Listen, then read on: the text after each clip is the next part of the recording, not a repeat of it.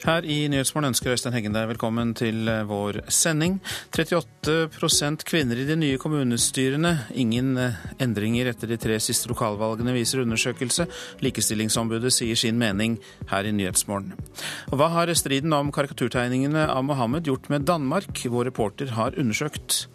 Det var oppspinn at Stockholm prøvde å lokke til seg produksjonen av filmen 'Snømannen' etter boka av Jo Nesbø, viser det seg. Og Edvald Boasson Hagen var for lojal i sykkel-VM i går, kunne gått for gull til seg selv, mener tidligere proffsyklist og trener Atle Kvålsvold. Mange norske kommuner når ikke målet om flere kvinner i kommunestyrene. En gjennomgang NRK har gjort av 100 kommuner etter valget, viser at snittet på kvinner i kommunestyrene ligger på 38 og dette er det samme som etter valgene i 2007 og i 2011. I Tysnes kommune i Hordaland er bare én av fire kvinner eh, er bare én av fire i kommunestyret kvinner. Her oppe er da eh, kommunestyresalen. Den nye varaordføreren på Tysnes viser fram kommunestyresalen på rådhuset. Ja, nå er det bare en 20 %-stilling, så da er nå de neste fire åra vil tre fjerdedeler av plassene i kommunestyresalen være fylt opp av menn. Senterpartipolitikeren Kristin Kleppe synes godt hun kunne fått flere kvinner med seg inn i salen. Da hadde jo vært eh, greit. Da måtte vi jo hatt litt flere stemmer. En gjennomgang NRK har gjort av 100 kommunestyrer i Norge, viser at kvinneandelen ligger på 38% etter årets kommunevalg. Det er det samme som i 2007 og i 2011. Det er jo en sånn her gjennomgangsmelodi når vi har vært ute i kommunestyret. Det er at, at det kanskje er vanskeligere å, å motivere kvinner til å stille sier valgforsker Yngve Flo ved Universitetet i Bergen. Kommunal- og moderniseringsdepartementet satte i 2014 i gang et prosjekt for å få opp kvinneandelen i lokalpolitikken. Flo var en av flere valgforskere som reiste ut til kommuner med få kvinner i kommunestyret. Han sier at menn som nominerer menn er veldig vanlig. Veldig mange partier de eh, plasserer da eh, kan si, menn, og gjerne middelaldrende menn med erfaring inn i nominasjonskomiteene. Og selv om viljen ofte er den beste, så, eh, så er det ofte det at de tenderer til å finne folk som er like seg sjøl. De leter etter folk som har politisk erfaring, og da finner de flest menn. De leter på partilistene sine for å finne kandidater, og der finner de, med unntak av SV, så finner de aller flest menn. Det er veldig dumt. For jeg tror jo vi har like mye å si som mennene, for å si det sånn, da. På den lokale matbutikken er ikke folk særlig fornøyd med at det er så få kvinner i kommunestyret deres. Jeg syns det er skrøpelig. Jeg, jeg syns det skulle vært mange flere damer med. Nei, I disse tidene så skulle det vel vært mye høyere. Når det skal være likestilling, så bør den i alle fall være 50-50. Det kan være at folk er litt konservativt, og at kanskje ikke de har vært så opptatt av å ha en jevn fordeling. Nå kommer fellesbetakken her. Den nyvalgte varaordføreren blander maling til en kunde på byggvareforhandleren der hun jobber. Hun tror ikke at det er engasjementet som holder kvinnene vekke fra politikken, men det å få tida til å strekke til. Jeg tror de er interessert. Da er de. For det er noen mange jeg snakker med som er veldig interessert i politikk, da, men de har ikke lyst til å, å gå inn i et fast verv. For da føler de at de blir bøtten opp til det, da. Sant? Ikke har uh, mulighet til å styre hverdagen sin sjøl i den hektiske hverdagen, da, sant? med unger og fritidsaktiviteter og sånne ting. da. Vår reporter i Tysnes, Marte Njåstad. Likestillingsombud Synne Wørstavik, velkommen til oss. Takk. Men tross alt, 38% kvinner i de 100 kommunene NRK har undersøkt. Det er jo like under 40% Er ikke det brukbart? Jeg syns ikke det holder i 2015. Ja. Eh, disse tallene viser jo at det står ganske bom stille. Siden 2007 har vi akkurat de samme resultatene, og jeg syns at eh, nå må vi legge ekstra kraft på dette arbeidet. Det var jo faktisk også sånn at eh, internasjonale valgobservatører var veldig overrasket over at kvinnene var såpass dårlig representert i lokalpolitikken i Norge. Ok, Hvis det er for dårlig, da, hva er grunnen? Jeg tror det er flere grunner til det. Og jeg tror noe av det viktigste partiene og kommunestyrene bør spørre seg nå, er jo ikke hva det er ved kvinnene som ikke engasjerer seg i eh, lokalpolitikken, men hva man kan gjøre som parti og i sitt kommunestyre.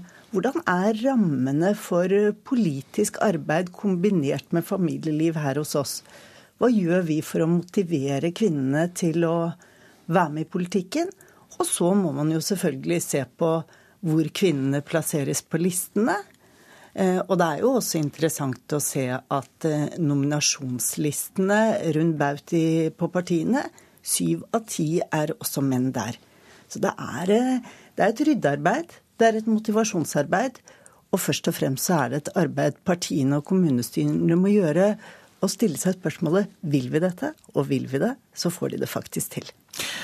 Og hva vil dere i Likestillingsombudet gjøre?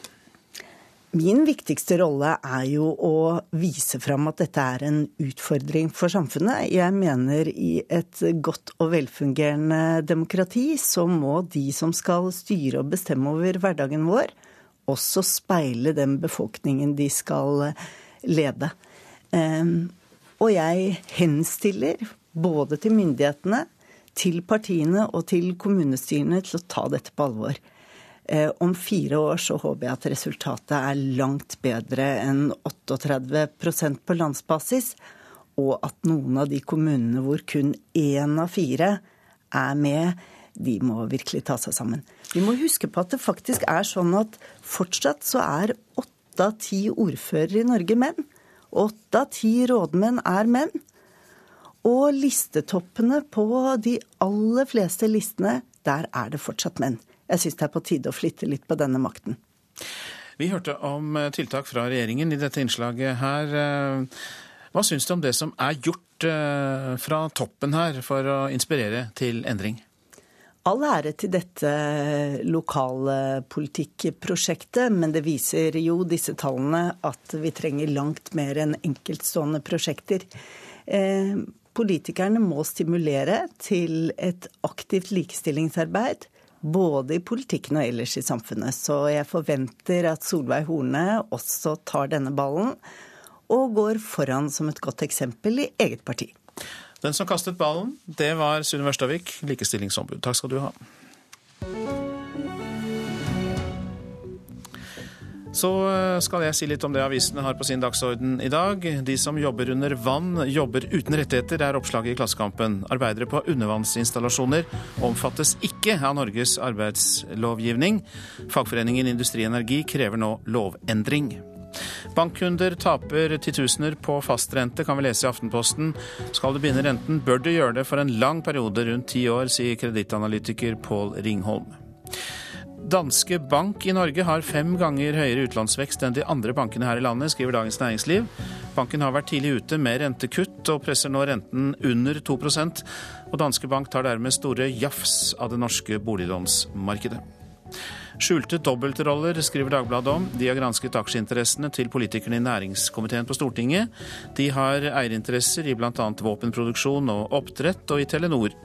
Næringskomiteens leder Geir Pollestad sier til avisa at medlemmene bør si ifra, og han legger til at det aller beste er å ikke ha slike eierinteresser.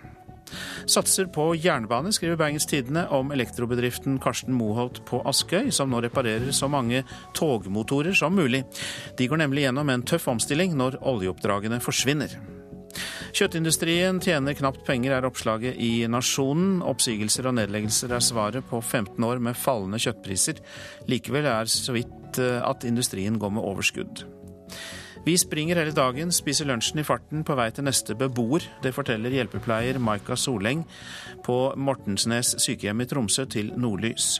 Likevel går jeg ofte hjem med en dårlig følelse, fordi jeg ikke har tid til å sette meg ned og prate med en beboer, forteller hun. Jenter må stanse selvmobbingen, sier bloggeren Katrine Heiberg til Dagsavisen.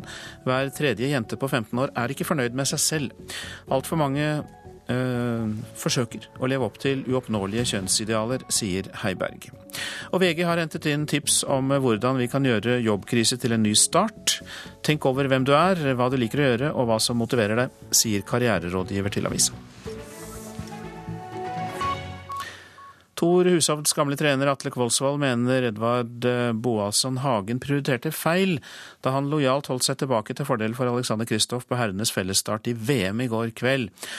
Og Kvålsvold mener Boasan Hagen rotet bort sjansen til å vinne VM-gull i sykkel. Jeg får jo litt vondt av den Edvald når han står etterpå og sier at han faktisk uh, hadde krefter å kjøre med sammen med Van Avermatt. Og han var jo en kjempeposisjon rett bak Sagaen. Sier sykkeltrener Atle Kvolsvold. Jo, jeg var på tanken, men da hadde jeg ikke dratt, eller da hadde jeg ikke følt planen som jeg hadde. Så sånn er det når du har en kaptein. Sier Boasson Hagen. Kvolsvold mener det var en gal prioritering. Det må være eh, noe av det råeste eksempelet som jeg har sett på, eh, på, lojalitet. I hvert fall å ikke gripe den muligheten og faktisk være med å kjempe om gullet. For hvis Van Armat og Edvald har kjørt sammen der, så, så, tror jeg faktisk de kunne hatt mulighet til å hente Sagaen. Og da, da kan, kunne jo alt ha skjedd. Hvis han hadde hatt masse krefter, så hadde han nok eh, prøvd. Hvis jeg skal si det på den måten. Sier landslagssjef Stig Kristiansen, som hadde en annen oppfatning enn Kvolsvold. Kan du ha mistet et VM-gull på det? Det er vanskelig å si. Det, vi hadde en bra posisjon. Er du skuffa? Jeg er jo ikke veldig fornøyd, men eh, ja, jeg var bra foran på slutten. Reporter det var Hans Henrik Løken. Ja, Du lytter til Nyhetsmorgen. Klokka passerte nettopp 6.44. Dette er hovedsaker. LO snur, advarer nå mot kutt i selskapsskatten. Det er kortsiktig tenkt, svarer Høyre. Mer om det etter klokka sju. Mange venstretopper åpner for å gi seg i kravet om søndagsåpne butikker. Det skriver Klassekampen. Sju av tolv spurte fylkesledere i Venstre er villige til å droppe søndagsåpning, som KrF er sterkt imot. Separatistene har erklært valgseier i Catalonia. Partiene som ønsker løsrivelse fra Spania, har sikret seg flertall i det regionale parlamentet. Og vi går mer inn på det også etter klokka sju. Og følg oss videre i Nyhetsmorgen, for snart skal vi snakke om nattens supermåneformørkelse. Denne høsten er det ti år siden utenriksminister Jonas Gahr Støre holdt talen 'Et hav av muligheter en ansvarlig politikk for nordområdene'. Det ble starten på nordområdesatsingen og mer penger til forskning og utvikling i nord. Men folk i mange småkommuner i Finnmark mener satsingen for det meste har vært festtaler og store ord. Det er jo,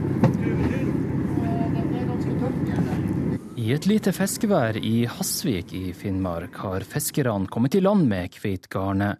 Før var det et yrende fiskeriliv i bygda, men med årene har det blitt mindre av både jobber og innbyggere i Sørvær. I et gradvis utdøende samfunn ser ikke fisker Steinar Furøy mye til nordområdesatsinga. Nei, nei, det gjør vi ikke. Men du kan jo til Tromsø, så har du jo, der er jo der skjer det jo mye. Der skjer jo alt. Og nettopp der ligger mye av kritikken mot satsinga i nordområdene. Den har både et internasjonalt perspektiv og et innenriksperspektiv. Men først, det hele starta med en tale på Universitetet i Tromsø høsten 2005, for nøyaktig ti år siden. Utenriksminister Jonas Gahr Støre imponerte salen da han introduserte nordområdesatsinga. Jeg opplevde at det var en veldig stor respons. At det svarte på en stemme som kom fra eh, nord i Norge. Sier Jonas Gahr Støre. Men ikke alle lot seg forføre av den da nyslåtte ministeren, blant dem tidligere Nordlys-redaktør Ivan Kristoffersen. Jo, det var jo en, en, en, veldig bra tale sånn rent uh, stimuleringsmessig. Man ble jo våken og opptatt av nordområdene. Men uh, når det gjaldt å finne konkret innhold, så, så, så svikta talen etter mitt skjønn. Og min kritikk den gangen den gikk jo på at um, nordområdesatsingen var mer uh, mynta på et akademisk miljø ved universitetene i Nord-Norge enn på politikk. Flere ordførere i Finnmarks små kommuner, Loppa, Måsøy, Porsanger og Gamvik, sier til NRK at de føler at nordområdesatsinga ikke er noe som inkluderer dem. Det blir bare ord. Det må bli handling. Sier Senterpartiets Geir Iversen, tidligere ordfører i Hasvik. Vi, vi ser ingenting i Hasvik av nordområdesatsinger. Ingenting. Null. Altså, det virker jo på meg som at de nesten har gitt opp, at, at det er noen som bare kan ta disse områdene. Folk uh, i små kommuner ikke kjenner seg igjen i uh, alle de fine ordene som blir sagt uh, om nordområder, så, så er det jo et alarmsignal. Men Jonas Gahr Støre påpeker likevel at det har vært satsa i nord, og mener at nordområdesatsinga la grunnlag for optimisme. Hva skyldes det at i ti år senere så, så, er det noen som opplever at de ikke er en del av det? Det var jo ikke en, en, en pengeutdeling til kommuner eller fylker etter størrelse. Dette var jo en satsing på aktiviteter, på at Norge skulle ta en styring i det som nå kom i nordområdene som satsing fra mange land, at de skulle være aktivt diplomatisk. Eh, og eh, Det kan jo hende at man i mindre kommuner da knytter veldig mye av det de ønsker seg til en sånn ambisjon, og sier at det kom ikke der. Men, men vi må også se på hva den type satsing er ment å, å, få til, nemlig få til aktiviteter. Og Det var jo i disse årene også hvor befolkningsnedgangen snudde og ble til stabilisering og oppgang også i mindre kommuner. Det sa Jonas Gahr Støre til reporter Eirik Hind Sveen. Nå om kampen mellom Oslo og Stockholm om 'Snømannen' av Jo Nesbø. Nå viser det seg at det svenske tilbudet om å lokke til seg produksjonen av filmen bare var oppspinn. I mai i år reagerte Oslos kulturbyråd Halstein Bjerke raskt for å overgå det svenske tilbudet. Nå får han kritikk for å ikke ha sjekket fakta. The bone-chilling new thriller by the internationally acclaimed best-selling author Jo Nesbø. I fire år har det vært kjent at Hollywood vil lage film av Jo Nesbø 'Snømannen', og at de har kjøpt rettighetene til ytterligere ni Harry Hole-bøker. Mange har sagt at dette er norgesreklame i milliardklassen, forutsatt at handlingen blir lagt til Oslo og Bergen, slik som i boka. Derfor var det mange nordmenn som satte morgenkaffen i vrangstrupen da denne kalddusjen av en nyhet kom i midten av mai. De lokale myndighetene i Stockholm tilbyr 1,5 millioner svenske kroner for å lokke til seg filminnspillingen av Jo Nesbøs 'Snømannen'. Denne nyheten vakte naturligvis sterke reaksjoner da den kom, ikke minst fra Oslos kulturbyråd Halstein Bjerke, som kun noen dager senere svarte med å legge 1,5 millioner norske kroner på bordet i et forsøk på å overby svenskene. Det ville han ikke gjort i dag. Nei, det hadde nok ikke, Beløpet hadde nok ikke vært akkurat 1,5, og det hadde nok ikke kommet akkurat da. For nå viser det seg at det svenske tilbudet bare var oppspinn. Jeg kan ikke svare på hvor den oppgiften kommer fra. Sier administrerende direktør for Filmregion Stockholm, Anette Mattsson. All offentlig filmstøtte i Stockholm går gjennom henne, og at hun skal ha tilbudt 1,5 millioner for 'Snømannen', stiller hun seg helt uforstående til. Det kan ikke ha kommet fra vår side sett, eh, og jeg har ikke sett eller hørt det heller. Heller ikke Pjodor Gustavsson, som er en av produsentene for filmen, skjønner hvorfor norske medier har skrevet dette når det ikke er sant. Det finnes ingen løfter om, om den summen som du nevner, absolutt ikke. Nå får kulturbyråden kritikk av Oslo Arbeiderpartis Tone Tellevik Dahl for å ha slengt om seg med kommunens kulturkroner. Jeg syns det er litt underlig at eh, byråden bare legger penger på bordet uten å vite de faktiske forhold rundt eh, Stockholm sitt eh, tilbud. Da har han jo egentlig feilinformert bystyret. Det kan godt hende vi snudde oss litt vel raskt rundt i mai på de opplysningene. Men sånn er det. Når du vil ha noe gjort, så må du noen ganger snu deg fort, og noen ganger snur du deg da litt for fort. Men at vi ville bidra med penger, det hadde vi signalisert allerede tidligere. Det er ikke sikkert beløpet hadde blitt 1,5, det kan hende hadde blitt større, det kan hende hadde blitt mindre hvis vi hadde hatt en grundigere dialog med produksjonsselskapet før vi sendte tilbudet. Og det sa Venstres kulturbyråd i Oslo, Halstein Bjerke. Og det var Petter Sommer og Helga Tunheim som hadde laget denne saken. Denne uken er det ti år siden Jyllandsposten trykket de tolv tegningene av profeten Mohammed, som utløste den største diplomatiske krisen Danmark har vært oppe i siden andre verdenskrig. Men hva har Mohammed-krisen gjort med Danmark? Vår reporter i København har forsøkt å finne det ut. Landstingssalen i det danske folketing er stappfull av folk. Trykkefrihetsselskapet har bedt inn til internasjonal konferanse om Mohammed-krisa i et tiårs retrospektiv. Ytringsfridommen er vernet av politi med maskingevær sånn cirka overalt. Dansk Folkeparti-politikeren Marie Krarup sier det er en fallitterklæring. Mohammed-tegningene, men tør ikke bruke dem i undervisningen f.eks. Det minner litt om et vekkelsesmøte der alle allerede er frelst. Ytringsfrihet og martyrer blir hylla med klappsalve, medan de fleste politikere og redaktører er feige. Terroristene har vunnet, ytringsfriheten i Europa er under angrep, og en skal kalle en spade for en spade. Her synes spaden å være islam og ikke islamisme. Men Det er jo fordi trusselen kommer fra islam. Det er jo islamiske personer der vil slå Kurt Vestergaard i hjel. Det var islamiske personer der lagde et terrorangrep i februar. Vebjørn Selbekk er en av talerne. Han trykte Mohammed-tegningene i det norske magasinet i 2006. Det er mye mer direkte her i Danmark enn i Norge. Karikaturstriden har blitt et slags nasjonalt traume i Danmark, mer enn i Norge. Fordi Danmark er jo det internasjonale episenteret for hele karikaturstriden.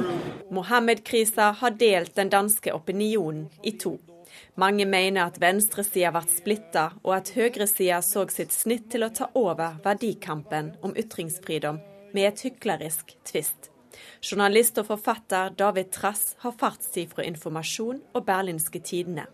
Han tror ikke lenger på en kompromissløs ytringsfrihet. Fordi jeg mener ikke at øh, det var godt at vi brakte tegningene. Trass mener Mohammed-tegningene har fyrt opp under en dansk innvandrerdebatt som allerede var ekstrem for ti år siden.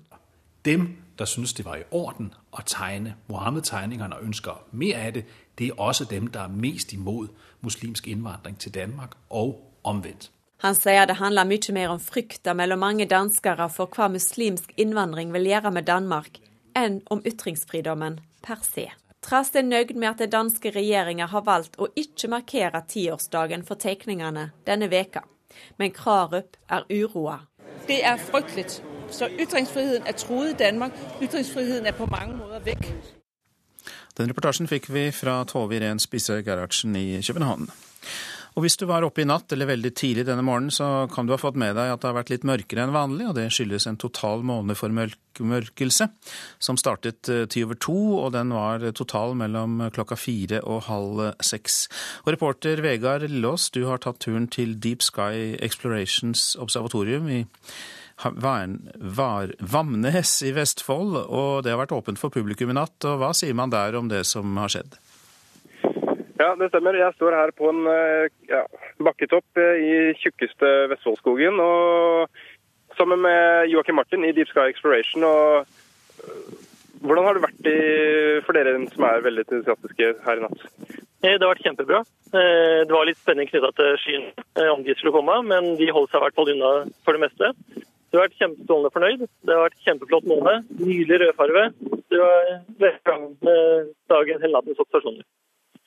Og det har vært supermåne, formørkelse Det er ikke sikkert alle vet altså disse begrepene formørkelse og sånn, skjønner vi, men uh, kan du forklare litt hva som spesifikt som har skjedd med månen i natt? Det har vært en total måneformørkelse. Eh, det er ikke veldig sjeldent, eh, men pga. vær og litt sånn forhold, så er det ikke så ofte man får med seg, kanskje. Sånn som i natt. Det var jo veldig seint, så det er ikke alle som fikk med seg. Eh, total måneformørkelse er jo når eh, månen, eh, når jorda skygger for sollyset som fram, kommer fram til månen. Da blir jo lyset dekka til, og månen lyser ikke selv. det som er spesielt, er jo at sollyset blir brytet i atmosfæren til jordkloden, så det blir en veldig spesiell farge. Nå var jo månen veldig rødaktig i natt, kanskje litt oransjeaktig. Det er veldig spesielt. Eh, noen bruker eh, begrepet supermåne. Eh, månen har jo ikke en sirkel i den bane, den har litt sånn elektrisk bane. Noen ganger er den litt lenger bort, noen ganger er den litt nærmere. I natt klokka to så var den veldig nærme jorda, sånn i forhold til han kan være. da. Og når det inntreffer samtidig som total måneformørkelse, det er sjeldent. Det er mange 30 år siden sist, og det blir mange 30 år til neste gang. Som vi skjønner, så er vi bør egentlig prise oss lykkelige for at vi har fått med oss dette. her, for eh, Det er som sagt veldig lenge siden det har vært en sånn type formørkelse og med supermåne. Og Når kan vi vente oss å se det her igjen? Eh, supermåne det er over 30 år til neste gang. Eh, og Nå ser vi om månen går ned borti horisonten her. Vi ser han er veldig stor og flott, så det er kjempebra. Eh, men en total måneformørkelse kommer heldigvis eh, før det. Eh, og Da håper vi på at det blir bra hver dag òg, og litt bedre tidspunkt, så alle kan få med seg. For det er kjempemoro. Ja, for Som vi vet, så er det jo mandag og jobbdag. Så selv om det har mange som har vært oppe og sett på, så er det nok mange som også ikke kunne det. Så vi, får, vi som har vært oppe tidlig, vi får være glad for at vi har fått det med oss. Takk skal du ha, Vegard Lillås, vår reporter, som snakket med Joakim Martin ved NOVA-observatoriet i Vestfold. Og så litt værvarsel herfra. Fjell i Sør-Norge først. Mulig litt regn tidlig på dagen i nordlige områder. For øvrig opphold og perioder med sol. Vi går til Agder, Telemark og Østlandet. Oppholdsvær og perioder med sol. Rogaland og Hordaland lokal morgentåke, men ellers oppholdsvær og noe sol også der. Sogn og Fjordane på kysten sørlig utover ettermiddagen liten kuling. Stiv kuling ved Stad. Utrygt for lokal morgentåke, ellers oppholdsvær og noe sol. Vi går til Møre og Romsdal med litt regn tidlig på dagen, for øvrig opphold og perioder med sol. Trøndelag utrygt for regn først på dagen også der, seinere skyet eller delvis skyet opphold. Nordland i nord litt regn, ellers oppholdsvær. I ettermiddag litt sørvestlig kuling på kysten. I kveld stiv kuling i Lofoten og Vesterålen, og etter hvert regn i hele Nordland. Troms får oppholdsvær. I kveld periodevis stiv kuling, men etter hvert regn også i Troms. Først kommer det i vestlige områder. Finnmark i kveld sørlig frisk bris, i kyststrøkene opp i liten kuling. Det blir oppholdsvær, men seint i kveld regn vest i Finnmark. Og vi går ut til Nordensjøland på Spitsbergen med øking til sørlig stiv kuling utsatte steder der, og regnvær. Temperaturer målt klokka fem i natt. Svalbard lufthavn tre grader. Kirkenes og Vardø begge seks. Alta, der var det sju. Tromsø-Langnes åtte. Bodø ni. Brønnøysund åtte. Trondheim-Værnes ni. Molde åtte. Bergen ni. Stavanger ti. Kristiansand-Kjevik fem. Gardermoen seks. Lillehammer fire. Røros seks. Og Oslo-Blindern sju grader. Og så minner vi om at vi etter klokka sju bl.a. skal høre om valget i Catalonia, der separatistiske partier har fått flertall i den lokale forsamlingen.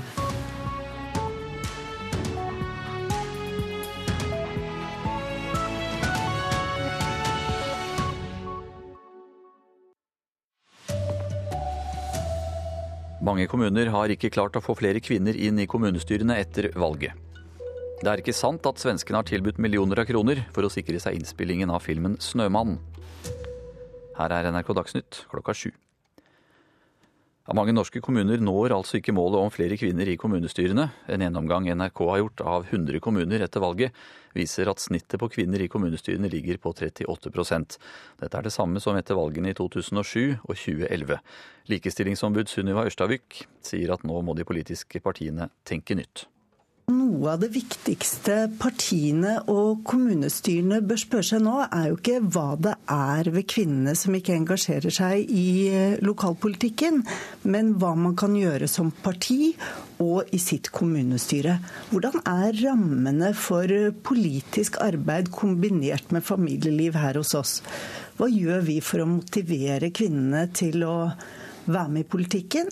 Og så må man jo selvfølgelig se på hvor kvinnene plasseres på listene. Og det er jo også interessant å se at nominasjonslistene rundt baut på partiene, syv av ti er også menn der.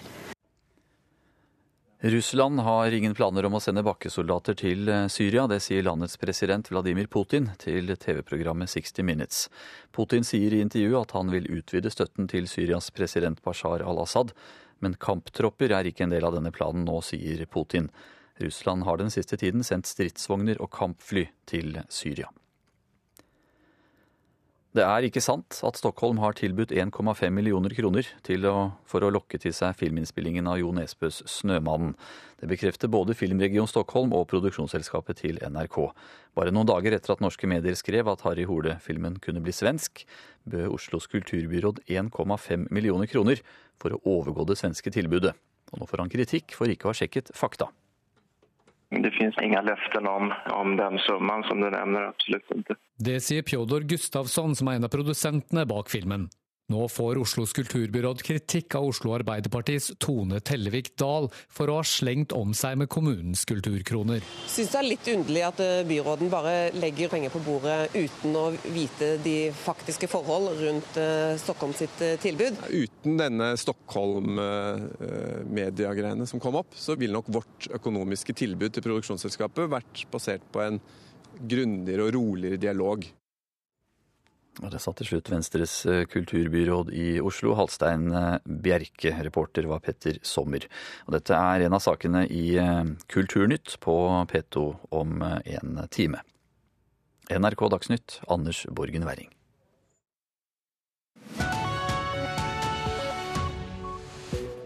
Nyhetsmorgen fortsetter med disse sakene. Terroreksperter sier det kan ta lang tid før en eventuell løsning for det norske gisselet i Syria. LO snur, advarer mot kutt i selskapsskatten. Det er kortsiktig tenkt, svarer Høyre. Separatistene har erklært valgseier i Catalonia. Partiene som ønsker løsrivelse fra Spania, har sikret seg flertall i det regionale parlamentet.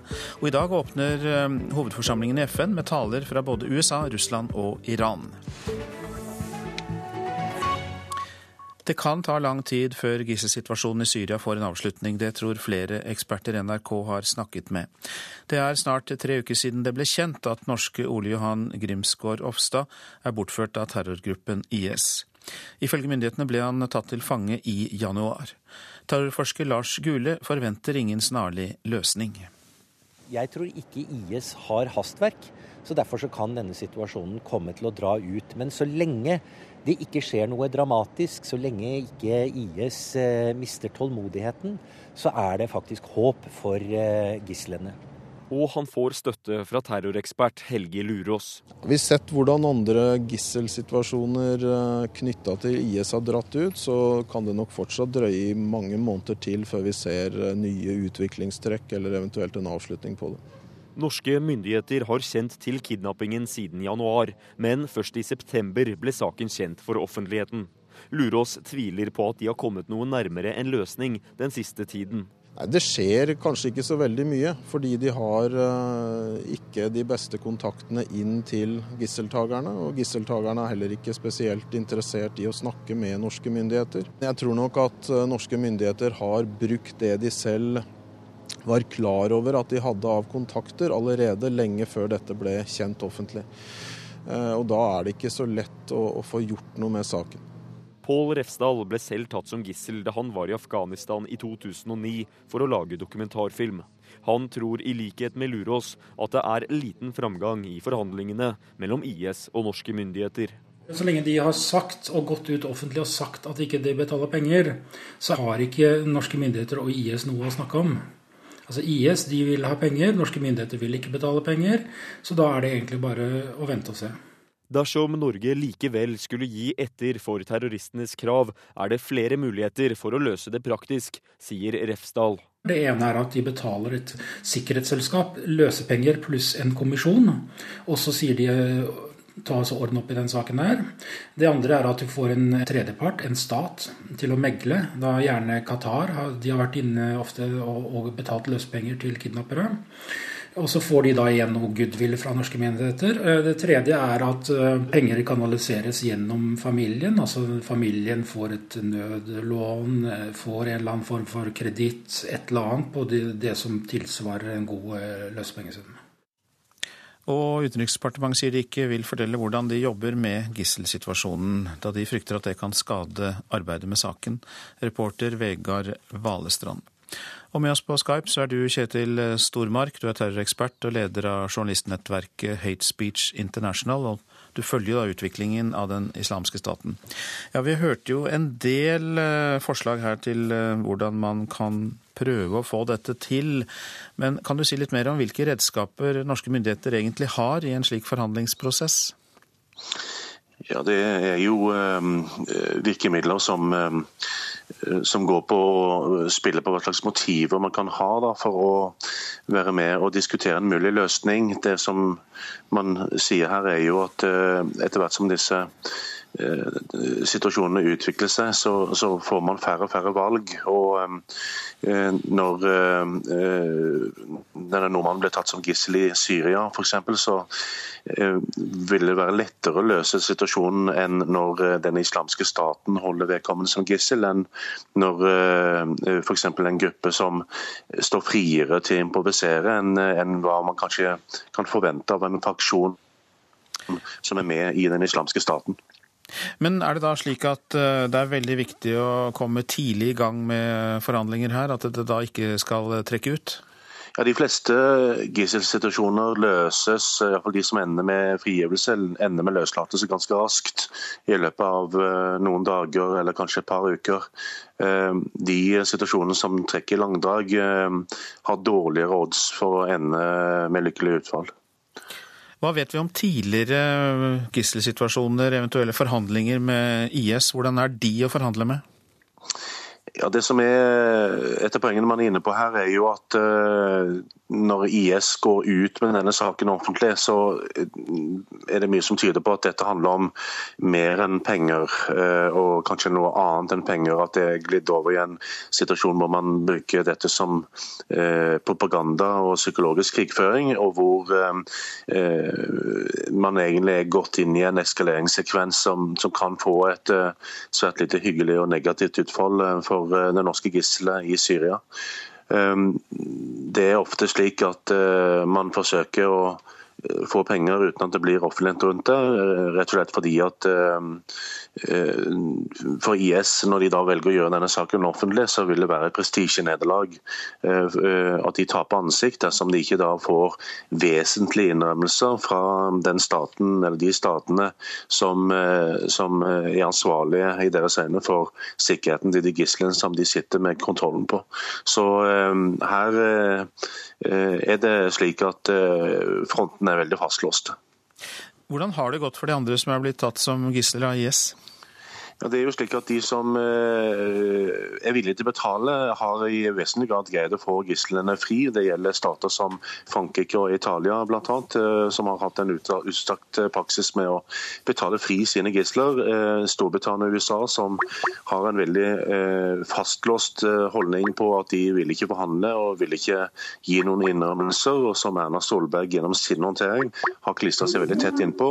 Har en svært dårlig statistikk på overlevelse overlevelsesmuligheter for eh, sine statsborgere som er blitt tatt som gisler eh, hos den islamske staten. Mange takk, Kjetil Stormark, som altså er leder av journalistnettverket Hate Speech International og følger utviklingen i den islamske staten. LO er oppsiktsvekkende kortsiktige i sin tankegang, sier finanspolitisk talsmann i Høyre Svein Flåtten. I lang tid så har Landsorganisasjonen ment at det er viktig å kutte i selskapsskatten, men nå har organisasjonen snudd i det spørsmålet. LOs sjeføkonom Stein Regaard advarer regjeringen mot å bruke oljepenger på å kutte skattene. For eh, skattelette, da søler vi bort en del av den effekten vi kan få på, på aktiviteten. Eh, og tar ut eh, noe av gevinsten ved å bruke mer oljeinntekter på den måten. Da går det jo mer i lommeboka til folk, som jo er hyggelig. Eh, men ikke noe spesielt bra for sysselsettingen. Det virker ikke på sysselsettingen, i hvert fall ikke på Det tar tid i tilfelle. Dilemmaene står i kø i forkant av neste års statsbudsjett. Hvordan hanskes med lavere oljepris og økende ledighet? Ingen kan med sikkerhet si hva som sikrer flest arbeidsplasser. Valgene regjeringen nå tar kan påvirke kronekurs, inflasjon, rente og ikke minst sysselsettingen. Lenge har LO ment at kutt i selskapsskatten er fornuftig for å sikre flest mulig arbeidsplasser. Nå mener de skattekutt kan gi sterkere kronekurs og dermed ramme arbeidsplasser i eksportbedrifter. Jeg synes at LO ser veldig kortsiktig på det, mens våre utfordringer nå er langsiktige og over tid. Sier Svein Flåtten, finanspolitisk talsmann i Høyre. Han holder fast ved viktigheten av de varslede skattekuttene. Det virker ikke med en gang, nei, men det vil virke over tid, og de har noe å forholde seg til. Selv om arbeidsplasser forsvinner på vestkysten, er det gode tider for mange bedrifter ellers i landet. Særlig eksportbedrifter som nyter godt av en svekket kronekurs. Ja, det er veldig delt. Eh, det er veldig dårlig på Vestlandet, og verre jo nærmere liksom, olje leveransene du, du, kommer. og Det sprer seg jo selvfølgelig noe, men eh, i de fleste fylker utenom Vestlandet har det jo vært nedgang i arbeidsløsheten. De som har konkurranse fra utlandet, styrkes veldig gjennom den gunstigere eh, kronekursen. Det er ikke nok bare med den svake kronekursen. Det hjelper veldig mange bedrifter veldig langt, særlig de som eksporterer. Men det er jo ikke alt næringsliv i Norge som eksporterer. Det er ikke alle som har glede av en svak kronekurs. Det finnes faktisk mange som har det omvendte. Skal snakke om dilemmaer for regjeringen, så er dilemmaene mange. Det er hvor du skal sette inn innsatsen, og reporter her, det var eh, Line Tomter. Politisk kommentator i NRK, Magnus Takvam, du har eh, kommet i studio. Vi hørte jo litt om det her, bl.a. fra LOs sjeføkonom Stein Regaard, at oljepenger ikke skal gå til skattekutt. Men, men si litt mer om hva som kan ligge bak at LO går bort fra kutt i selskapsskatten? Altså Det LO først og fremst er opptatt av, slik jeg eh, leser dem, er at i en lavkonjunktur, altså i en situasjon med økende arbeidsledighet, så er den mest, det mest effektive middelet eh, for å øke sysselsettingen og øke de offentlige utgiftene heller enn å gi skattelette. Og resonnementet er slik at skattelette virker, eh, ifølge økonomisk eh, teori, de trekker inn nobelprisvinner Trygve Hovelmo sine teser her bl.a., er at skattelette virker mye senere, og mye av skatteletten går også til sparing og ikke til direkte skaping av nye arbeidsplasser. Så vil jeg tro at LO uh, i prinsippet kan diskutere å redusere selskapsskatten når konjunkturene endrer seg noe. Hva ligger bak at uh, Høyre da, selv om de har fått mye kritikk for skattekutt, uh, fastholder at dette er prioritert sak? Altså, når det gjelder selskapsskatten, som er en, skatte, eh, en skatteform for seg, så er de aller fleste enige om at den bør reduseres. Fordi Norge har en høyere skattesats på 27% for overskudd i, næringslivet, sammenlignet med f.eks. 22% i Danmark og Sverige. slik at i prinsippet er alle enige om at man bør redusere den. Striden eh, vil stå om den skal kompenseres med å øke skattene på andre områder, slik at det totale eh, skatteinntektene økes eller, eller eh, reduseres. Eh, men prinsippet om å redusere selskapsskatten føler jeg det er ganske brei enighet om. Hvis vi ser på statsbudsjettet sånn i det store og hele, hva blir regjeringens store dilemma, største dilemma når det kommer til å, hvordan man skal bruke penger? Altså Det regjeringen selv er, eh, sier er det største dilemmaet, det, det, er rett og slett om anslagene deres i budsjettene slår til eller ikke. Fordi det er så mye usikkerhet i økonomien og i eh, Europa og i verden rundt oss i øyeblikket at vi ikke vet nøyaktig hvor, hvor høy blir arbeidsledigheten osv. Slik at Stemmer anslagene eller ikke, det, det er en, en hovedhodepine. men ellers så blir det en skal vi si, tradisjonell dragkamp i og med at du har en mindretallsregjering. Både om skatteprofilen, der spørsmålet om formuesskatt blir en, en viktig og omstridt del, og fordelingsprofilen, der alle vet at eh, Kristelig Folkeparti og Venstre ofte drar i en retning, og miljøprofilen, der Venstre liksom vil ha et større grønt skifte enn regjeringen. Så alle disse greiene kommer nok inn i, i høstens budsjettdebatt. Da får vi se hvordan det går. Mange takk for at du kom, politisk kommentator i NRK, Magnus eh, Takvam. Klokka den passerte nettopp 7.16. Dette er hovedsaker. Det kan ta lang tid før en eventuell løsning for det norske gisselet i Syria, mener terroreksperter. LO snur altså, advarer mot kutt i selskapsskatten kortsiktig tenkt, svarer Høyre til det. Og mange venstretopper åpner for å gi seg i kravet om søndagsåpne butikker. Det skriver Klassekampen. Sju av tolv spurte fylkesleder i Venstre er villig til å droppe søndagsåpning. For eh, første gang på 30 år så har det vært eh, i natt da, en såkalt supermåneformørkelse. Og nå er månen i ferd med å bli synlig igjen. Men eh, for kort tid siden så var den helt borte. Klokka 05.24 var måneformørkelsen total. I natt er nemlig fullmånen på sitt nærmeste til jorda. Samtidig er det total måneformørkelse fordi jorda er plassert akkurat midt mellom sola og månen. Til sammen blir dette en supermåneformørkelse, som betyr at månen farges rød.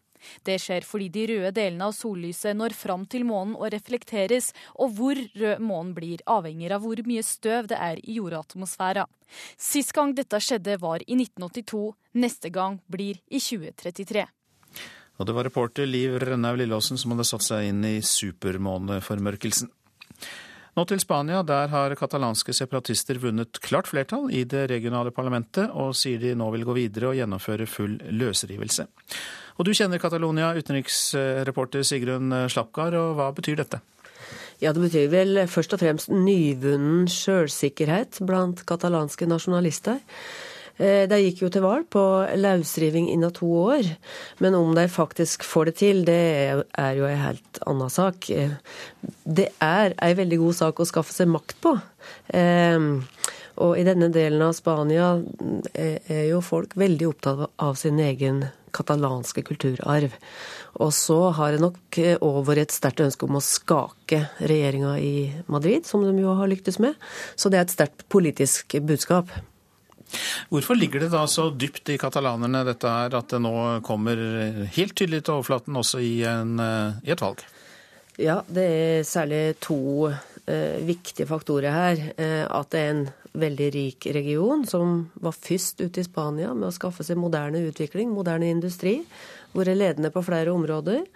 Eh, og slik sett òg vært mye sterkere knytta til resten av Europa. Eh, og så, under de mange åra med Franco-styret, ble Catalonia sterkt undertrykka. Ingen fikk snakke sitt eget språk. Eh, og Barcelona ble en veldig viktig by i motstanden mot fascismen. Og så, etter Franco, eh, da en fikk snakke katalansk igjen, så ble språk og identitet da en veldig viktig flaggsak. Og det er det jo fortsatt. De vil styre seg sjøl ta vare på egen kultur. Men vel så viktig så er altså dette her med økonomien. At mange i Catalonia syns at eh, folket der bidrar vel mye i kassa, i felleskassa, enn det de får tilbake fra Madrid. Ja, ta vare på seg sjøl, sier du Sigrun Slapgard. Men er det ikke noe solidaritetsfølelse med det øvrige og kanskje også fattigere Spania? Da? Ja, Hvis du spør en katalaner, så vil han si klart opplagt. Det er en lang tradisjon med fagforeninger og arbeidersolidaritet i Catalonia. Men på samme tid så, så kritiseres jo da sentralmakta i Madrid for at det blir altfor lite infrastruktur og sosiale tiltak tiltak de får tilbake for at de altså bidrar så vanvittig mye i skattekassa. Og så skal det være valg i hele Spania snart. og Kan det da være mer håp for den katalanske saken dersom det blir eh, regjeringsskifte, altså om sosialistene tar over for de konservative? Ja, Det er neppe sannsynlig, for uh, tidligere eh, sosialistiske eller sosialdemokratiske regjeringer i, Madrid har jo hell, uh, og, og, og, stilt seg avvisende til, til løsriving, men kanskje da vært flinkere til å bygge allianser med sine politiske kollegaer i Catalonia. Uh, og dette er jo òg veldig interessant opp mot fellesskapet med EU. For jeg ser nå fra de siste meldingene sentralt i EU at det blir truga, altså løsrivingsplanene til Catalonia blir truga med utestenging fra, fra, EU. Så det er eh, lite støtte å finne i ulike politiske leirer for separatistene i Catalonia. Mange takk for den eh, oppdateringen om Catalonia, utenriksreporter Sigrun Slapgard. Og I dag åpner eh, hovedforsamlingen i FN med taler fra både USA, Russland og Iran, og det er knyttet størst spenning til hva president Vladimir Putin vil si om konflikten i Syria. Og Det er første gang på tolv år at Putin er på toppmøte i FN. Natos generalsekretær Jens Stoltenberg oppfordrer Russland til å bidra til å finne en slutt på krigen. Jeg oppfordrer Russland til er å spille en konstruktiv rolle eh, i arbeidet med å få til en politisk løsning i Syria. Eh, det er bra at det nå er samtaler mellom USA og Russland for å forsøke å få til en bedre samordning av det som skjer i Syria. Eh, at det er viktig at man i det minste unngår at økt russisk tilstedeværelse fører til økt spenning og, farlige situasjoner. Jens Stoltenberg er som mange andre spent på hva Vladimir Putin vil si når han inntar talerstolen her i FN i ettermiddag. Russland har sendt styrker og fly til Syria, men det er uklart hva som er Putins mål med dette. Så hvis Russlands mål er å støtte Assad, så er det ikke et konstruktivt bidrag. I går advarte Irans president verden mot å forsøke å styrte Assads regime. Hassan Rouhani er også her i New York og skal holde Irans innlegg til hovedforsamlingen i dag. Senere på dagen er det ventet at president Obama og president Putin vil ha sitt første ordentlige møte på mer enn to år. Et møte det er knyttet forsiktige forventninger til når det gjelder konflikten i Syria. Også utenriksminister Børge Brende ønsker svar på hva det er Russland ønsker å oppnå med sitt militære bidrag til Syria. Når man sender 28 jagerfly, eh, ifølge rapportene, eh, sender over 20 eh, kamphelikoptre, ifølge enkelte rapporter, hvordan skal det forstås i en sammenheng hvor man ønsker å etablere en politisk eh, enighet. Samtidig kan man jo se at et sterkere russisk tilstedeværelse vil jo gjøre at de er jo òg mer eh, involvert og kanskje potensielt sårbare i Syria òg, at de får større interesse av faktisk å ikke sitte på sidelinja og nedlegge veto i Sikkerhetsrådet, men å bidra til en politisk løsning. Så det er ulike skoler her. Det sa utenriksminister Børge Brende, og det var altså vår USA-korrespondent eh, Tove Bjørgaas som hadde laget dette innslaget. Det er altså stor interesse under møtet i FN i dag, og ikke minst knyttet, som vi hørte, til Vladimir Putins eh, tale. Også selvfølgelig til hans møte med USAs eh, president Barack Obama. Og korrespondent Morten Jentoft i Moskva, vet vi nå mer om hva det er sannsynlig at Putin kommer til å si? Ja, russiske medier snakker i hvert fall her på, eh, på morgenkvisten om at uh, fokuset i Putins tale kommer som det ble nevnt her, til å være Syria-kamp kampen mot eh, internasjonal terrorisme. Vladimir Putin og Russland ønsker å bruke denne anledningen til å komme tilbake igjen i det gode selskap på den internasjonale politiske arena. Eh, de har tatt initiativet eh, når det gjelder det som skjer i Syria akkurat nå. Overrasket amerikanerne her. Går nå også ut, gikk nå også ut i helgen og sa at man har opprettet av dette kommandosenteret i samarbeid med Iran og ikke minst spennende Irak for å slåss mot den islamske islamske staten inne i Syria. Sånn at eh, det har jo vært en, eh, Man må jo kunne si at det har vært en slags genistrek fra Russland og Vladimir Putin, det som, det som nå skjer. At man har kommet på offensiven og blir nødt og, og blir der, må da tas på alvor da, i, den, i det storpolitiske spillet rundt eh, Syria. Er det også da kommet fram noen flere detaljer om hva som da blir, er det russiske engasjementet i Syria, militæret? Ja, altså, jeg, jeg, tror at vi må se dette først og fremst i en politisk eh, kontekst. Eh, eh, selvfølgelig så kan da dette, denne militære tilstedeværelsen i form av fly og helikoptre hjelpe Assad noe i den pressede militære situasjonen som han er i. Det har vi jo allerede sett noen eksempler på. Men først og fremst så er dette storpolitikk. Russland ønsker å spille en rolle i internasjonal politikk, ønsker å spille en rolle i, eh, i eh, Midtøsten også. Og selvfølgelig så er da dette en måte å komme tilbake igjen til og tvinge da Vesten til å sette seg ned og snakke med Russland, etter at Vesten da har prøvd å isolere Russland det siste ett og et halvt året pga. det som har skjedd i Ukraina. Ja, slik at eh, Putins fokus på Syria er en del av et spill for å få oppmerksomhet bort fra Ukraina?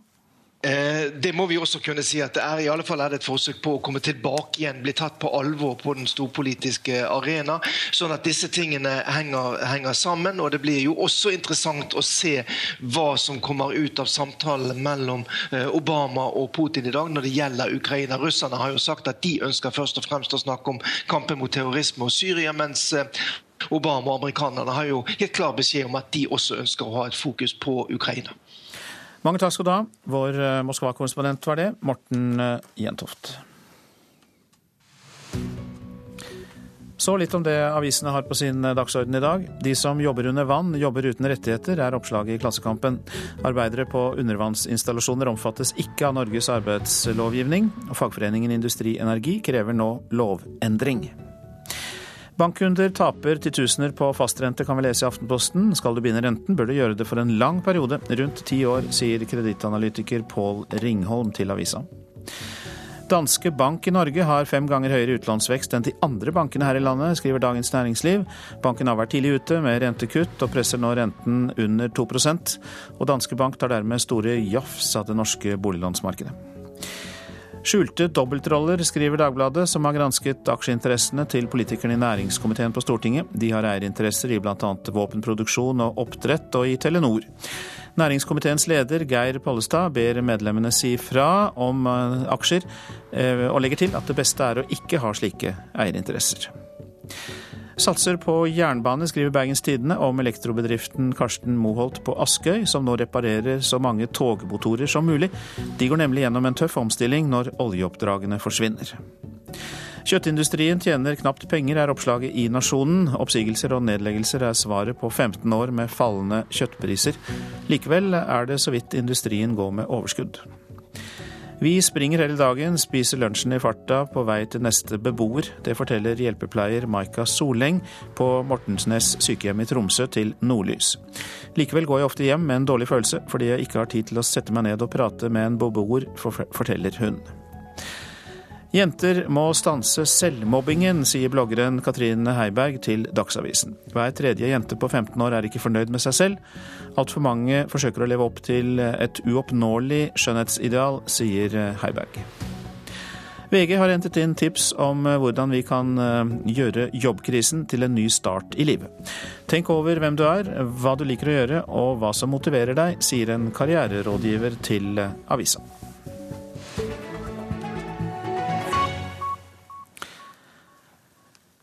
Og vi tar med at mange venstretopper åpner for å gi seg i kravet om søndagsåpne butikker. Det er Klassekampen som skriver det også. Mens regjeringspartiene vil åpne for handel på søndager, er støttepartiene KrF imot, og Venstre er for.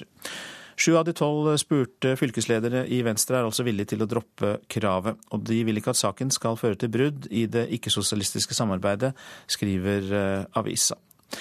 Og en tyfon nærmer seg kysten av Taiwan. 3000 mennesker er allerede evakuert. Det er ventet at den vil treffe land i eh, ettermiddag, med vindkast på opp mot 227 km i eh, timen. Så slår vi fast at eh, produsent for Nyhetsmorgen er Ulf Tanes Fjell. Her i studio Øystein Heggen. Og hvor står så striden mellom KrF og regjeringen om søndagsåpne butikker? Partileder Knut Arild Hareide kommer til Politisk kvarter for å snakke om det. Og kommunalminister Jan Tore Sanner skal møte Senterpartileder Trygve Slagsvold Vedum til duell om kommunereformen, også det da i Politisk kvarter. Kuppmakere som angrer og ber om unnskyldning. Ja, det forekommer. Hør reportasjen fra Afrika etter Dagsnytt klokka 7.40.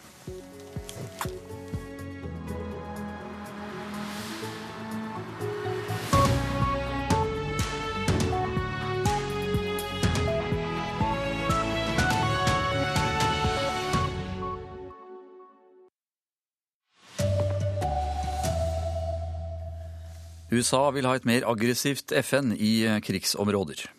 Kommunestyrene klarer ikke nå målet om like mange kvinner som menn. Månen forsvant nesten helt i natt. For første gang på 30 år var det supermåneformørkelse. Her er NRK Dagsnytt, klokka er 7.30.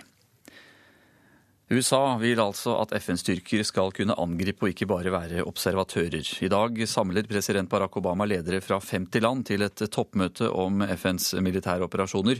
Statsminister Erna Solberg sier hun støtter USAs forslag, men at det ikke kan gjelde for alle oppdrag. Jeg tror vi må vurdere hver enkelt operasjon og hvilket mandat de skal ha. Forslaget USA vil be om støtte til i dag er kontroversielt, men statsminister Erna Solberg er likevel positiv. Eh, I noen tilfeller så vil vi måtte si at vi må kunne gripe inn. Jeg tror med, med hukommelsen vår på Srebrenica så kan det ikke være sånn at FN bare skal stå og se på. USA har tidligere tatt initiativ til å opprette en regional styrke i Afrika som kan svare raskt på konflikter.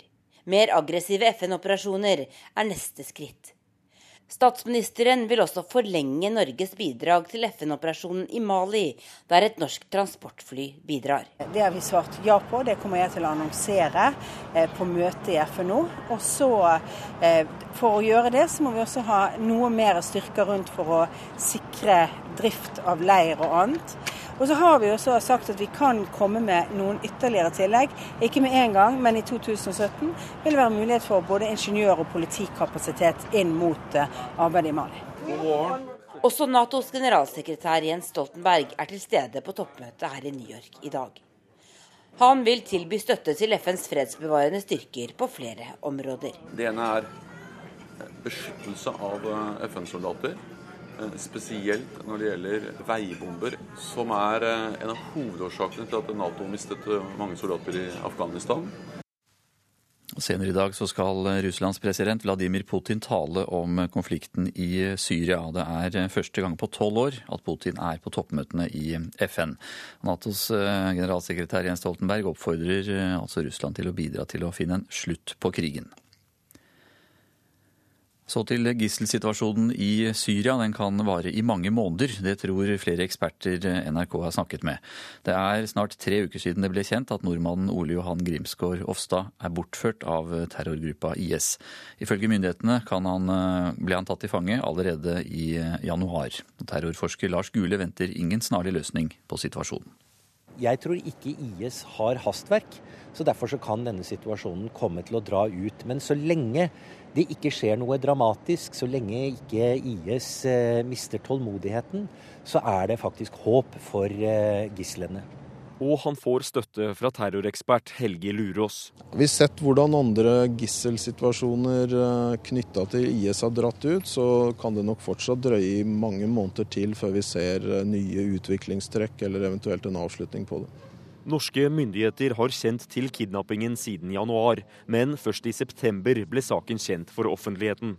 Lurås tviler på at de har kommet noe nærmere en løsning den siste tiden.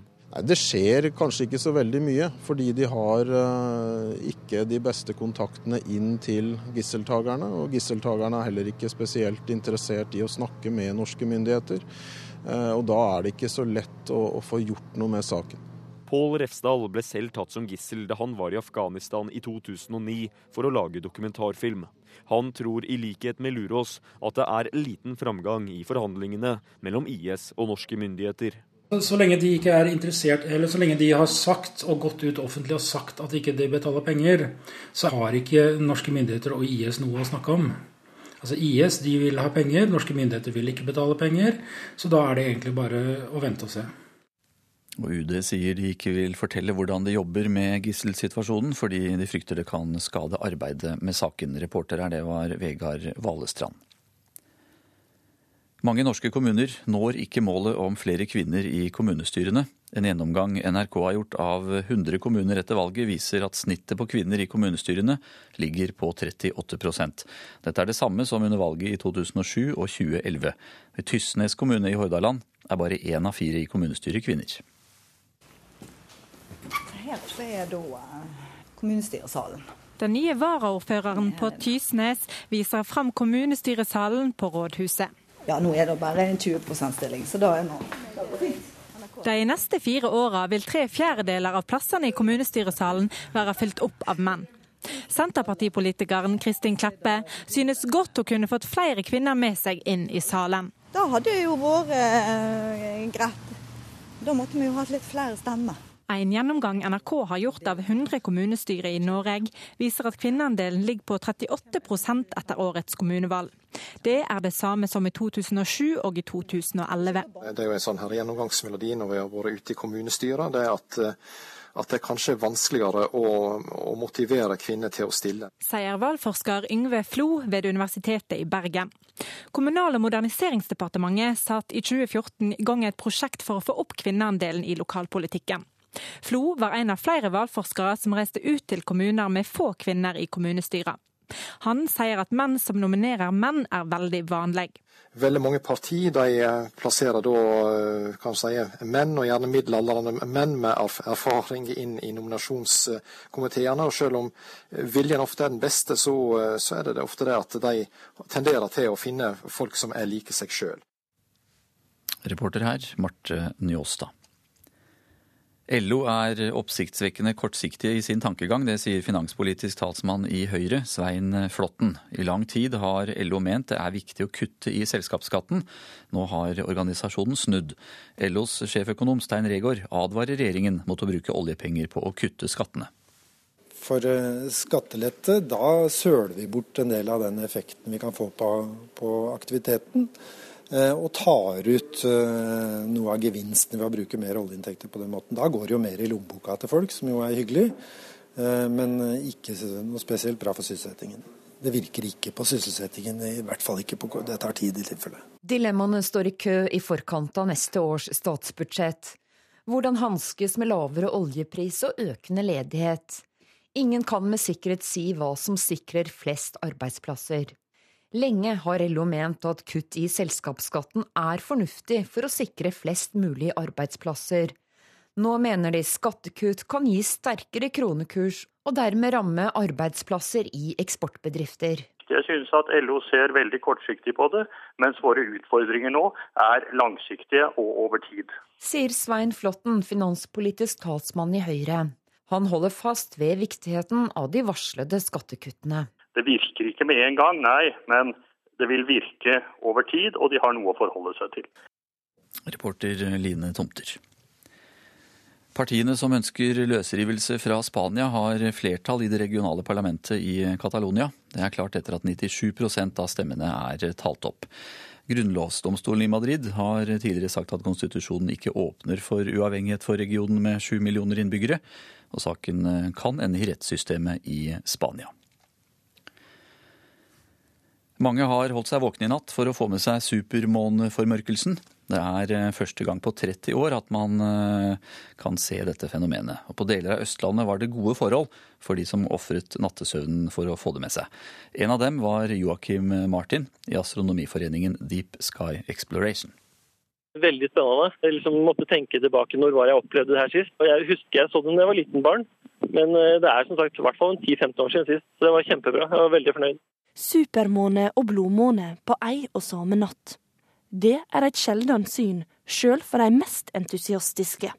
Det betyr at månen er på sitt lyseste fordi den er så nær jorda som den kan være. Samtidig er det totalt måneformørking fordi jorda er plassert akkurat midt mellom sola og månen. Til sammen blir dette ei supermåneformørking, som betyr at månen blir farga rød. Det skjer fordi de røde delene av sollyset når fram til månen sjøl om jorda skugger for sola. Hvor rød månen blir, er avhengig av hvor mye støv det er i jordatmosfæren. Og dersom du ikke fikk med deg supermåneformørkinga i natt, så får du kanskje sjansen igjen i 2033. Supermåne det er over 30 år til neste gang. Og nå ser vi om månen går ned borti horisonten her. Vi ser han er veldig stor og flott, så det er kjempebra.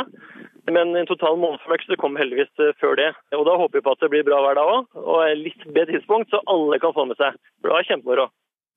Reporter Marte Halser, eh, og på nrk.no så eh, kan du se bilder av nattens blodrøde måne. Anne Skårseth har ansvaret for Dagsnytt i dag. Det er Hans Ole Hummelvold som styrer teknikken. Jeg heter Anders Borgen Werring.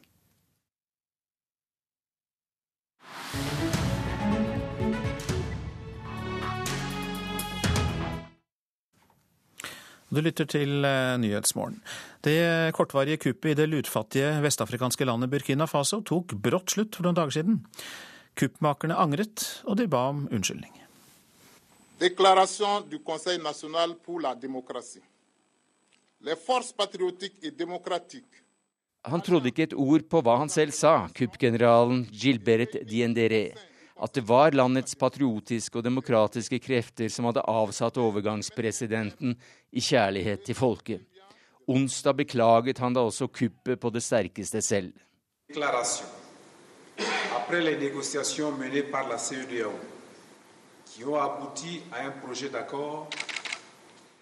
Vi gjeninnsetter presidenten, sa kuppgeneralen. Så kom han med en unnskyldning for all menneskelig og materiell skade de hadde påført land og folk den siste uka. Han snakket til ofrenes familier, de hans egen garde hadde skutt, såret og drept. Mine kondolanser til dere som er oppløst i tårer. Min største tabbe, kalte han kuppet. Dette gikk aldeles galt. Vi visste at vi ikke hadde folket med oss. Det kunne ikke gå bra, sa han, om ikke helt ordrett. Mea culpa.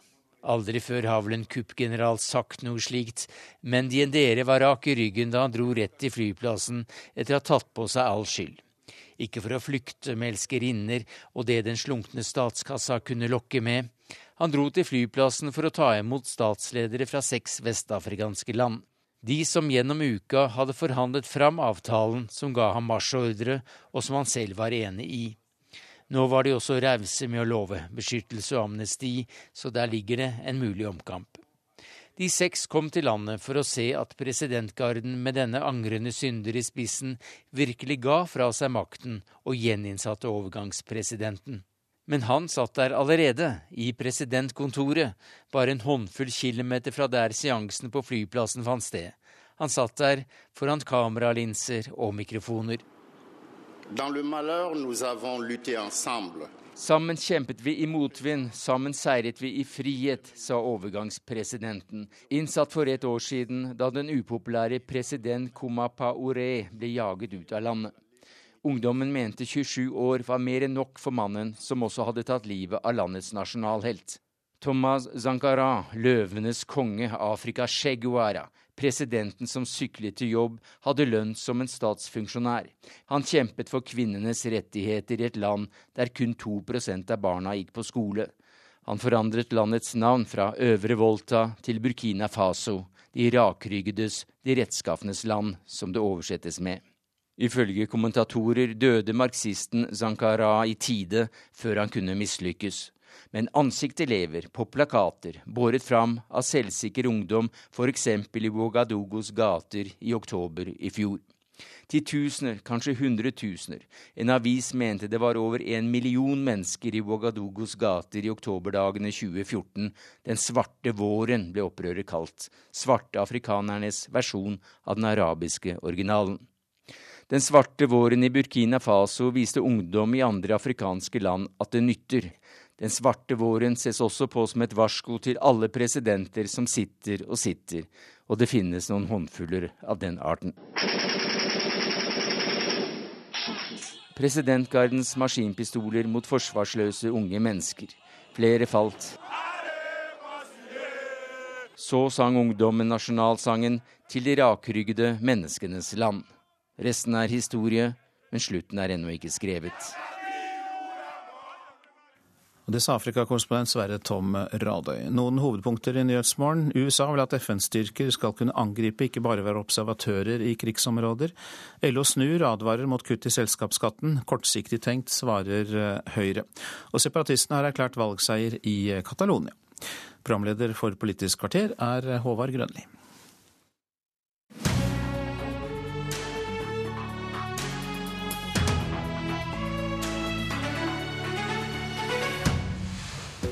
Senterpartiet vinner ordførerkjede etter ordførerkjede, og har snart 100. Mens Høyre-ordførere over hele landet må gi fra seg klubber. Hva har det å si for kommunereformen, spør vi kommunalministeren og Senterpartilederen. Og hvordan skal KrF-lederen klare å vinne kampen mot søndagshandel, når han slår fast dette? Dette er ikke en sak som KrF skal bryte noen samarbeidsavtale på.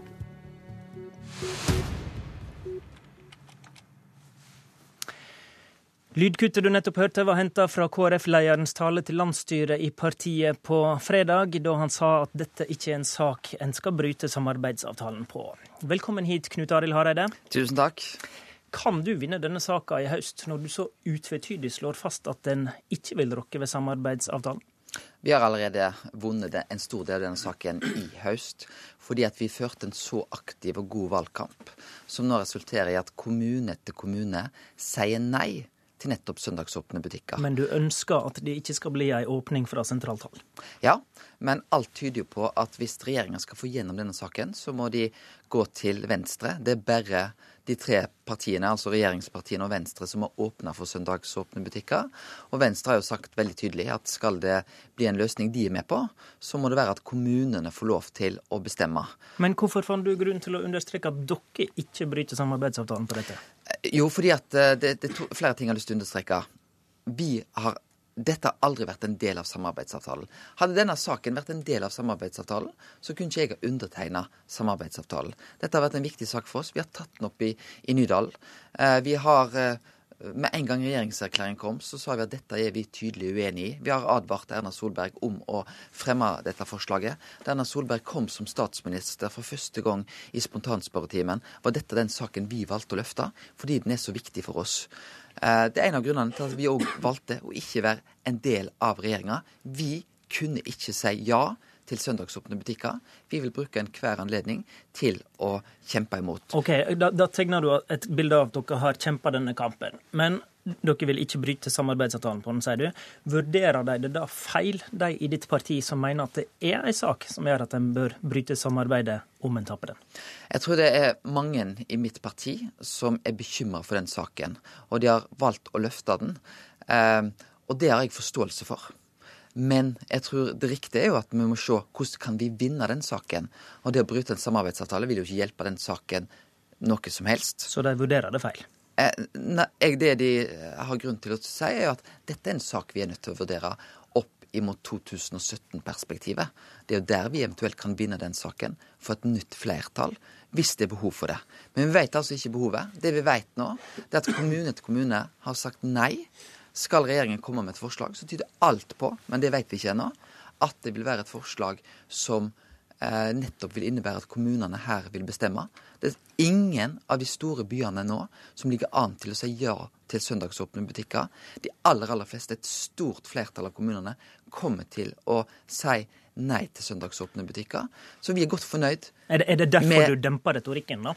Jeg syns òg det er sånn at å gå ut og si at vi vil bryte samarbeidsavtalen om en sak som ikke vi veit hvordan vil se ut, det er å eh, se problemene før vi har de. Men det jeg kan si, vi kommer til å gjøre det vi kan for å unngå dette forslaget. Det har vi lovt velgerne våre. Det, vi til, det har vi gjort fra dag én. Vi har gjort det i Nydalen, vi har gjort det etterpå. Og vi kommer til å gjøre det òg framover. Men... Og blir det et forslag med nasjonale føringer, Bestemmer regjeringa seg for det, og får Venstre med på det, ja da kommer vi til å bruke første mulighet og skaffe et nytt flertall for den saken. Men det vil altså ikke hjelpe noe at vi går ut av en samarbeidsavtale, en samarbeidsavtale der dette ikke er tema, og der det var viktig for KrF at dette ikke var tema. Skulle dette vært et tema, så måtte det stått at vi sa nei til søndagsåpne butikker. Vi kunne ikke være med på en løsning som var halvgod. Så når du da sier første mulighet, så snakker du om etter 2017, da, med et nytt flertall i Stortinget? Ja, i realiteten så er det jo da vi har et nytt storting og eventuelt et nytt flertall i denne saken. Men så hvis Høyre vil sikre seg KrF som partner også etter 2017, så bør de lytte til det du sier nå? De bør lytte til hva KrF har sagt om søndagsåpne butikker. Det er en viktig sak for KrF. Men det er ikke for KrF sin del vi har kjempa mot søndagsåpne butikker. Det er fordi vi syns det er et veldig gode å ha en annerledes dag. Eh, det har vi hatt en lang, lang tradisjon for. Folket ønsker dette. Eh, de som jobber på butikkene, ønsker dette. De som eier butikkene, ønsker dette. Kirka, fagbevegelse, miljøbevegelse, frivilligheten, idretten det er et samla Norge som sier høflig nei takk. Så langt så er det bare regjeringa og Aftenposten på lederplass jeg har sett som har gått inn for søndagsåpne butikker. Ved siden av deg sitter en fra regjeringa, Jan Tore Sanner, nestleder i Høyre. Kan det være aktuelt for regjeringa å legge bort søndagshandelssaker for å sikre seg et samarbeidsvillig KrF etter 2017? Nå har, nå har saken vært ute til, til, til, høring, eh, og regjeringen har eh, enda ikke lagt frem noe, noe, forslag. Jeg tror mange også ser at eh, dagens ordning med Brustadbuer heller ikke er noen god løsning, hvor alle butikker som er mindre enn 100 kvadratmeter kan ha åpent, mens de som er over ikke har anledning til å, til å være åpent. Det høres Vi, ikke ut som du er sirkler deg inn på noe ja, som er altså, i hans vi, retning her? Vi, jo, altså vi, vi, lytter alltid til Kristelig Folkeparti, og jeg har stor respekt for, for deres holdning i dette spørsmålet, som har vært kjent hele veien. Nå har saken vært ute til høring, og regjeringen vurderer nå de høringsinnspillene som har kommet. Samtidig så hører jeg også hva Knut Arild Hareide sa på, på landsstyremøtet, hvor han også legger vekt på alle de sakene Kristelig Folkeparti får gjennomslag. Eh, nylig har vi fått på plass en historisk satsing for rusavhengige. Eh, vi får sammen frem gode ordninger for, for småbarnsfamiliene. Ikke, jeg tenkte ikke vi skulle ta hele men, den runden. Jo, men når du inviterer til en debatt om samarbeid med Kristelig Folkeparti og, og, regjeringen, så hører også det store bildet eh, med.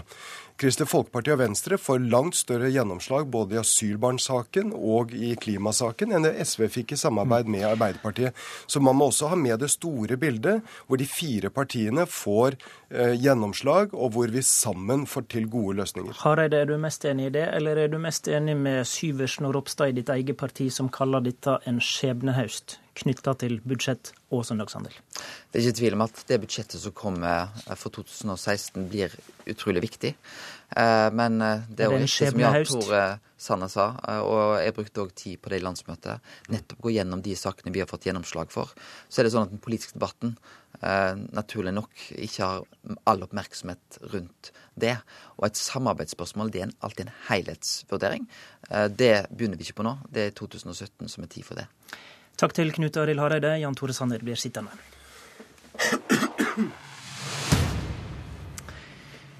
For etter valget har ordførerpartiet Senterpartiet kapra enda flere ordførerposter i norske kommuner. De har snart 100, mens Høyre har mista posisjoner i stor stil og sitt forbilds med 43, under halvparten av det Senterpartiet har. Jan Tore Sanner, kommunalminister. Tror du dette forholdet vil kunne påvirke framtida til eh, kommunereformen?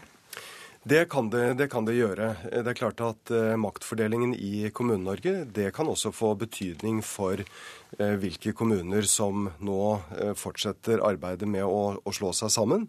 Samtidig så ser jeg også at det er et flertall blant lokalpolitikerne som mener at kommunestrukturen fra 1965 ikke er svaret på dagens og morgendagens utfordringer. Og politikere fra alle partier også Senterpartiet, jobber nå med kommunereformen. Eh, og vi ser at mange kommuner har kommet langt i det arbeidet.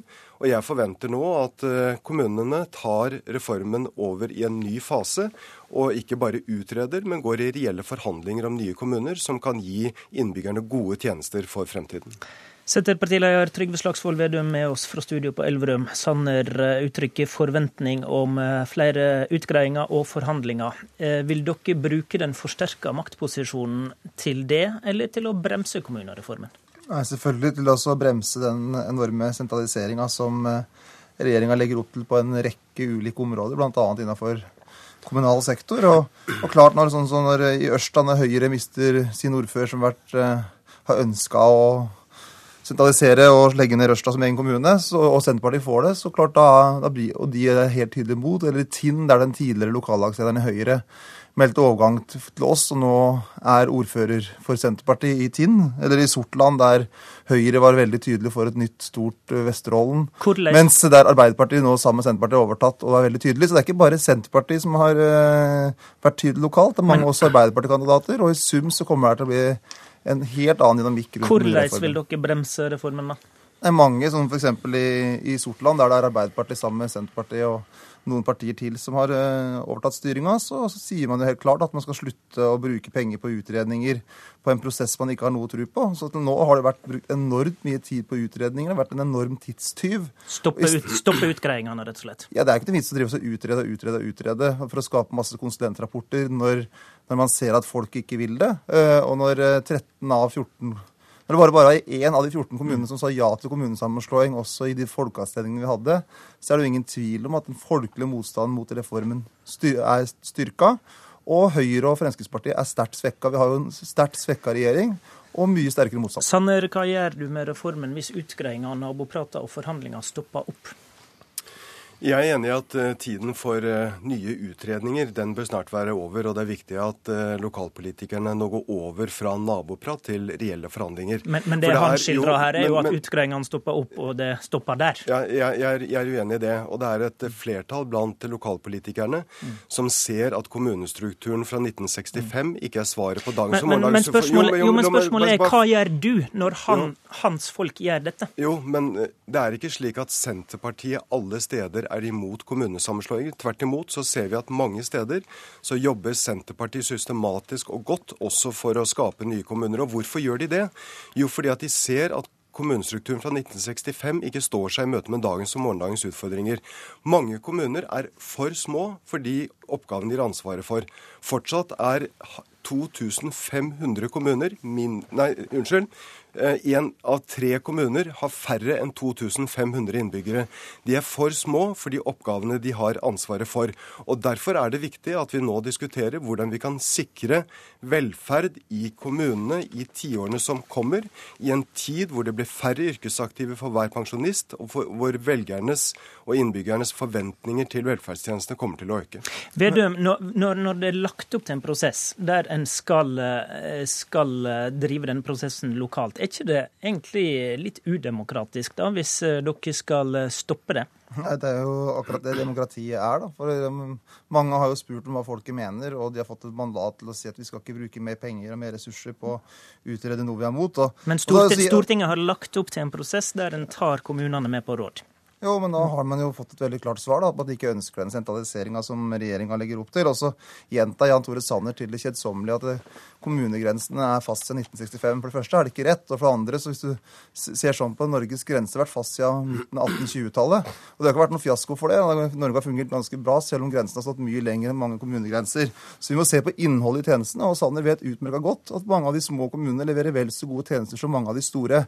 Så det har vært en fordomsbasert debatt, og folk har sett det lokalt at de, ikke, de tror ikke på den skremselen som Høyre driver med. Trygve, og de har sagt Trygve nei.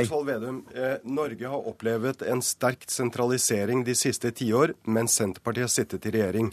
Hovedformålet med kommunereformen det er å sikre folk gode tjenester der de bor. Med andre ord, kommunereformen er bolverk mot sentralisering. Det er heller ikke riktig at uh, kommunevalget er et klart svar fra velgerne om at de sier nei til kommunereformen. Tvert imot, Høyre har gått frem i over 100 kommuner, og mange av det er små distriktskommuner. Senterpartiet har fått 8% oppslutning. Det betyr at 92% har ikke stemt på, på Senterpartiet. Det er, det er bakstrebersk å bare se bakover og drømme om kommunestruktur fra 65. Nå er vi nødt til å se fremover og sikre innbyggerne gode tjenester i en tid hvor det blir færre yrkesaktive for hver pensjonist, hvor kampen om det kompetente arbeidskraften kommer til å øke. Og dette handler om å sikre innbyggerne gode tjenester der de bor, og den jobben tar eh, lokalpolitikerne. Vi, eh, det er et bredt flertall i Stortinget som står bak reformen. Ja, Sander, nå får du høre litt av- noe andre enn deg sjøl. Før jul, før jul så kommer, prater og prater. Før, før jul Ja. så kommer vi til å presentere også et utkast til nytt Men Sanner, har, Høyre har mista 205 000 velgere etter valget her. Et, et, og Frp har mista 236 000 velgere. Vi, Vi har fått 47 000 nye. Dere har gått på en Vi må kjempesmell, gi oss er en med det faktumet. I studio satt Håvard Grønli.